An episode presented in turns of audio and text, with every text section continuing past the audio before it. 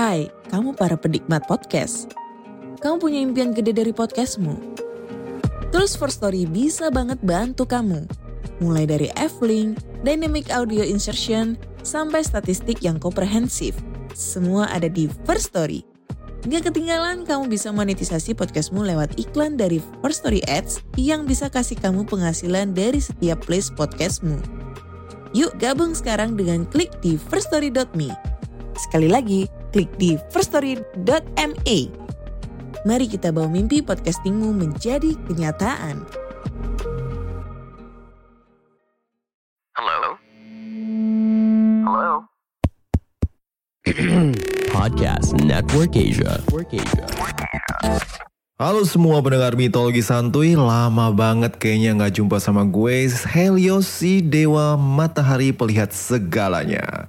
Dan gue di sini sekarang untuk ceritain ke kalian semua gosip-gosip hangat seputar dewa dewi Olympus. Sebelumnya gue pengen bilang sorry dulu ya, belakangan ini gue sibuk banget karena mesti ngider bumi berangkat subuh dan balik maghrib.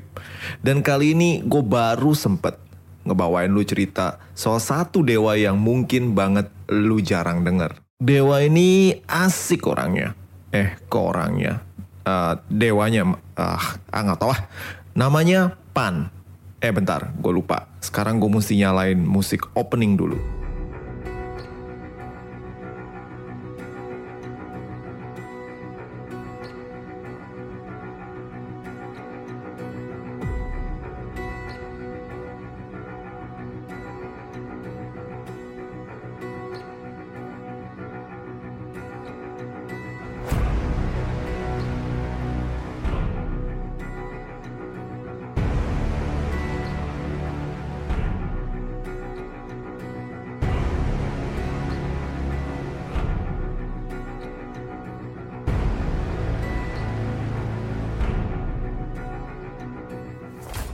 Konon di suatu masa saat dewa-dewi lagi sibuk kepoin urusan orang, Zeus yang pecicilan nyari gebetan baru, Hera sibuk investigasi cewek mana yang bakal dilirik oleh Zeus, dan Apollo ngambil cuti buat ngejar-ngejar Daphne. Of course, gue ngider-ngider bumi dari timur ke barat. Jadi waktu gue lagi lewat satu daerah di Yunani yang namanya Arkadia, gue ngelihat Hermes lagi main kejar-kejaran sama satu driat atau demit pohon atau um, peri pohon. Ah, pokoknya roh penunggu pohon dah. Cakep, nggak kayak kuntilanak. Hermes dan peri pohon ini ternyata saling jatuh cinta dan kejar-kejaran mereka itu nggak kayak si Apollo yang ngejar-ngejar Daphne dan berujung bertepuk sebelah tangan. Kejar-kejaran Hermes dan peri hutan ini ya kayak film India lah kush kush hotahe gitu loh. Happy, cheerful, yang jelas mereka ini saling jatuh cinta. Hermes dan peri hutan ini pun kemudian bersama dan buah cinta mereka adalah satu anak yang bikin emaknya si peri hutan kaget. Anak ini bertubuh setengah kambing dari telapak kaki sampai ke pinggang dan dari pinggang ke atas berwujud manusia yang somehow udah jenggotan dari bayi. Si anak juga punya tanduk kayak kambing. Selain itu, dia juga aktif banget dan suka lari-lari kayak bapaknya. Sima yang ngelihat si anak ini nggak seperti yang diharapkan, kemudian kabur dan meninggalkan si anak bersama Hermes, bapaknya. Selalu positif dan gak mau hidup penuh dengan kepahitan akibat ditinggal jadi duda cerai, Hermes pun kemudian merawat si anak dan membawanya ke Gunung Olympus. Si anak walau tidak dicintai oleh ibunya ternyata disambut hangat oleh para dewa dan dewi Olympus. Gak ada seorang dewa pun yang menganggap si anak jelek. Malah pada nganggap dia unik karena wujudnya yang setengah kambing. Semua dewa dan dewi gantian ngemong si anak, sementara Hermes mesti kerja bolak-balik Gunung Olympus dan juga bumi. Maklumlah, papanya kan kerjanya kurir yang gak kenal waktu. Karena anak ini dicintai oleh semua dewa dan dewi Olympus, Hermes menamai anak ini Pan yang dalam bahasa Yunani berarti semua. Pan tumbuh besar menjadi dewa setengah kambing yang ceria, liar, dan juga bebas. Entah karena sering hangout sama Dionysus dan Silenus, Pan besar menjadi dewa yang rada-rada santuy and chill. Oleh Zeus, Pan diberi tugas menjadi dewa alam liar dan hutan, pelindung para gembala dan juga pemburu. Pan suka banget dengan job desknya ini karena dirinya emang demen nongkrong di padang, hutan, dan juga dia rada-rada deket sama embe-embe. Sesuai karakternya yang santuy, Pan ini kerjaannya cuma, well, tidur siang, hangout sama binatang-binatang hutan, nge-wine sama Dionysus dan juga rombongannya. Dan juga dia sekali-kali ikutan trip Dionysus yang emang rame plus overflowing wine. Pan walau terkenal santuy, dia paling gak suka kalau lagi tidur terus diganggu. Kalau tidur siangnya diganggu, dia bakal bisa bangun dan teriak kenceng banget lebih dari emak-emak yang kena copet di pasar kopro. Teriakan ini bisa buat orang yang dengar ketakutan dan panik. Nah, kata panik ini asalnya dari kata Pan atau nama sang dewa. Selain itu, Pan juga mampu berlari kencang tanpa merasa lelah, plus mampu teleport dari mana pun ke Gunung Olympus. Mungkin dia dapat keahlian ini dari bokapnya si Hermes. Pan juga punya super strength dan mampu mengubah objek apa pun sesuai kehendaknya. Pan tinggal di Arkadia, satu daerah di semenanjung Peloponnese yang terkenal akan alam liar dan rimbanya. Di sinilah Pan bermukim ditemani oleh para satir dan juga hewan-hewan liar. Nah, walaupun Pan itu dewanya asik, dia kurang disukai oleh makhluk-makhluk gaib yang lain. Seperti yang gue bilang tadi, kalau misalnya emaknya aja nggak demen sama Pan karena, you know, malu aja kalau punya anak kayak Pan yang setengah kambing. Tapi beda dengan Pan yang somehow malah suka banget ngejar-ngejar perihutan dan sebangsanya. Mungkin karena dia rindu kasih sayang sang ibu yang, you know, meninggalkannya sejak bayi dan akhirnya amat tertarik dengan para perihutan. Salah satu dari perihutan yang ditaksir oleh Pan adalah Syrinx. Nah, Syrinx adalah perihutan yang tinggal di Arkadia, tempat tinggal Pan. Kebanyakan perihutan mengagumi Artemis dan hidup selayaknya sang dewi bulan dan alam liar yang perawan tersebut. Terkadang Artemis juga ditemani oleh para perihutan ini sebagai dayang-dayang dan menjaga Artemis ketika dia lagi mandi di sungai. Ingat kan kalau dulu guru Pekalana pernah cerita soal Artemis mandi dan diintip sama satu cowok yang namanya Acteon? Nah, mungkin itu saat Artemis nggak ditemenin sama peri-perihutan ini. Anyway, Syrinx adalah fan girl dari Artemis. Dia suka niru Artemis dari gaya berpakaian sampai ke senjata. Kalau Artemis punya busur perak, maka Syrinx bersenjata busur kayu. Seperti Artemis, Syrinx juga memegang sumpah tetap perawan selamanya. Nah, masalahnya, Syrinx yang suka cosplay ala Artemis ini cakep dan kecakapannya ini udah bikin banyak dewa naksir. Sumur hidupnya dia selalu diincar sama dewa-dewa yang kepengen ngedapetin dia, tapi karena pengen tetap perawan, Siring selalu kabur tiap dikejar-kejar. Dan datanglah Pan. Pan yang emang demen banget sama perihutan pun kemudian kesengsem sama Sirings. Apalagi Sirings mirip dengan Artemis minus galaknya sang dewa bulan. Setiap hari sang dewa alam liar yang buruk rupa tersebut berusaha untuk mendekati Sirings. Sirings yang jijik ngelihat si Pan selalu lari ketakutan. Pan yang emang pantang menyerah selalu mengejar-ngejar Sirings. Aksi kejar-kejaran ini bikin Siring capek, tapi dia nggak mau bersama Pan yang jelek dan bau kambing. Akhirnya Sirings pun lari ke sungai Ladon dan meminta bantuan peri-peri sungai untuk membantunya. Nah, salah satu peri sungai Ladon mengubah Sirings menjadi alang-alang. Um, kalian tahu alang-alang kan? Tanaman air yang mirip rumput tinggi yang biasanya ada di pinggir sungai. Itu loh alang-alang. Kalau dimasak terus diminum airnya bisa katanya sih bisa ngurangin panas dalam. Hey, eh, anyway ngapain gue ngomongin soal ginian? Pan tiba tepat sebelum Sirings berubah menjadi alang-alang. Dirinya berhasil memeluk tubuh Sirings tapi pada saat itu juga Sirings berubah menjadi alang-alang. Pan pun sedih. Hmm, sampai segitunya sama gue lebih ikhlas jadi alang-alang daripada jadi pacar gue. Hmm, sedih. Tapi dasar Pan emang orangnya cheerful, nangis bentar sambil meluk alang-alang, dia pun kembali happy.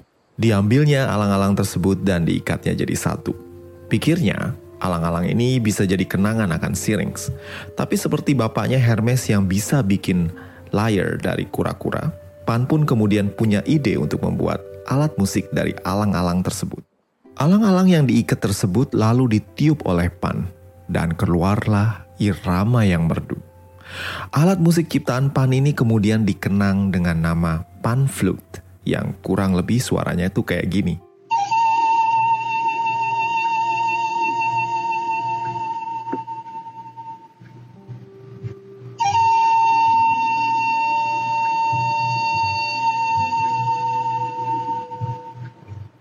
Pan seneng banget dapat mainan baru dan terus memainkan irama merdu dari alat musik ciptaannya. Lama-kelamaan banyak hewan liar yang berkumpul mendengarkan irama merdu dari Pan. Kemahirannya pun menjadi makin populer dan Pan menjadi rockstar zaman Yunani kuno di mana banyak fans dari kalangan yang berbagai macam mencari Pan untuk mendengarkan irama merdu dari Pan flute-nya.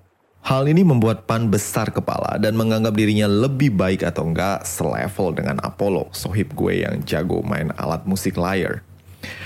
Pan pun kemudian mengantang Apollo untuk duel musik. Pan flute versus lyre, one on one. Apollo yang mendengar Pan sok-sokan ngaku kalau dirinya lebih jago, menerima tantangan Pan. Enak aja ngaku jago-jago musik. Gue Apollo, pencipta musik. Ini ponakan emang harus dikasih pelajaran. Demikian respon Apollo ketika mendengar tantangan dari Pan. Lalu keduanya pun setuju untuk berduel di Gunung Temolus yang sekarang ada di Turki. Adalah Midas, Raja Lydia, tempat Gunung Temolus berada yang akan menjadi juri. Apollo kagak tahu kalau Midas sebenarnya adalah sohib dari Pan. Duel musik ini pun dihadiri oleh para penggemar Apollo dan Pan dari segala kaum. Manusia, binatang, dedemit, kuntilanak, buto ijo, sampai ke para dewa pun ingin melihat siapa yang paling unggul. Tibalah saat duel. Apollo mengalah dan mempersilahkan Pan untuk mulai duluan. Pan kemudian meniup flute-nya dan terdengarlah irama yang begitu ceria tapi menenangkan sampai para binatang kecil yang biasanya ketakutan akan keramaian keluar dari sarangnya. Burung-burung yang tadinya terbang jauh berhenti dan kemudian menghampiri Pan. Tupai-tupai liar yang pengecut keluar dari lubang persembunyian mereka dan pohon-pohonan pun kemudian menikmati, bergoyang akan lantunan suara Pan. Para pengikut Pan yaitu para Fon menari-nari dan Midas pun berkata, ini baru musik. Tibalah giliran Apollo. Apollo yang biasanya memainkan lyre, alat musik petik kuno, kini menampilkan satu versi lyre yang berbeda. Suara yang keluar dari layar Apollo begitu energik dan hidup. Suara yang belum pernah didengar oleh semua makhluk dan para dewa pun takjub terpukau akan petikan layar yang luar biasa tersebut. Tanpa sadar, para dewa, binatang, dedemit sampai ke batu-batu di sekitar Gunung Temolus bergerak liar mengikuti alunan level dewa ini. Bahkan Pan pun terbius dan mengikuti irama liar dari Apollo. Usai Apollo menyudahi konser tunggalnya, Hadirin pun tersadar kembali dari bios irama gitar, eh, layar dari Apollo.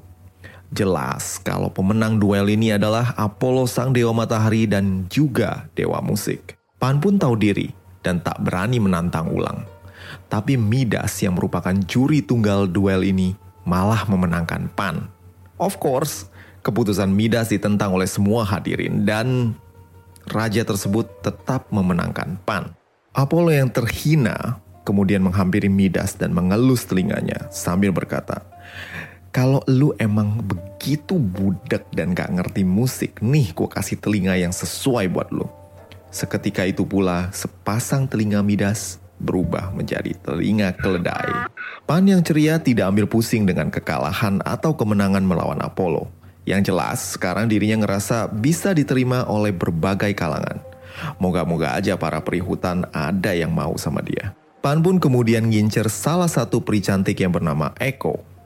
Tapi ternyata Eko sudah kepalang naksir sama Narsisus. Si cowok narsis yang jatuh cinta sama bayangannya sendiri. Pan berusaha meyakinkan Eko kalau percuma naksir cowok ganteng yang cuma demen nongkrong di tepi empang. Tapi Eko nggak peduli. Akhirnya Pan yang marah kemudian mengubah Eko menjadi Gema setelah Eko mati patah hati karena narsiskus. Gagal dengan Eko, Pan pun kemudian mencari sasaran cinta barunya. Dan kali ini adalah salah satu peri hutan yang bernama Pitis. Seperti Eko dan juga Sirings, Pitis tak meresponi PDKT sang dewa setengah kambing. Pan yang hilang sabar terus mengejar Pitis. Pitis yang tak sanggup menghindari kejaran dari Pan kemudian meminta Gaya untuk mengubahnya menjadi pohon. Dan Pitis pun kemudian berubah menjadi pohon pinus yang kelak menjadi simbol dari Pan. Ya elapan hidup lu gini amat sih. Nah, demikianlah cerita tentang Pansi Dewa Liar yang ceria dan santuy tapi kagak beruntung soal pacaran. Semoga menghibur dan eh ini ada titipan nih dari Guru Kelana. Beliau mau ngucapin terima kasih buat Fajar yang udah traktir kopi di laman traktir mitologi santuy. Untuk teman-teman yang kepengen dukung podcast perdewaan ini, silahkan mampir ke link yang tersedia di deskripsi episode. Nah, udah dulu ya, gue pengen ngider lagi. Bye! Pandangan dan opini yang disampaikan oleh kreator podcast, host, dan tamu tidak mencerminkan kebijakan resmi dan bagian dari podcast Network Asia. Setiap konten yang disampaikan mereka di dalam podcast adalah opini mereka sendiri dan tidak bermaksud untuk merugikan agama, grup etnik, perkumpulan, organisasi, perusahaan, perorangan, atau siapa pun dan apa pun.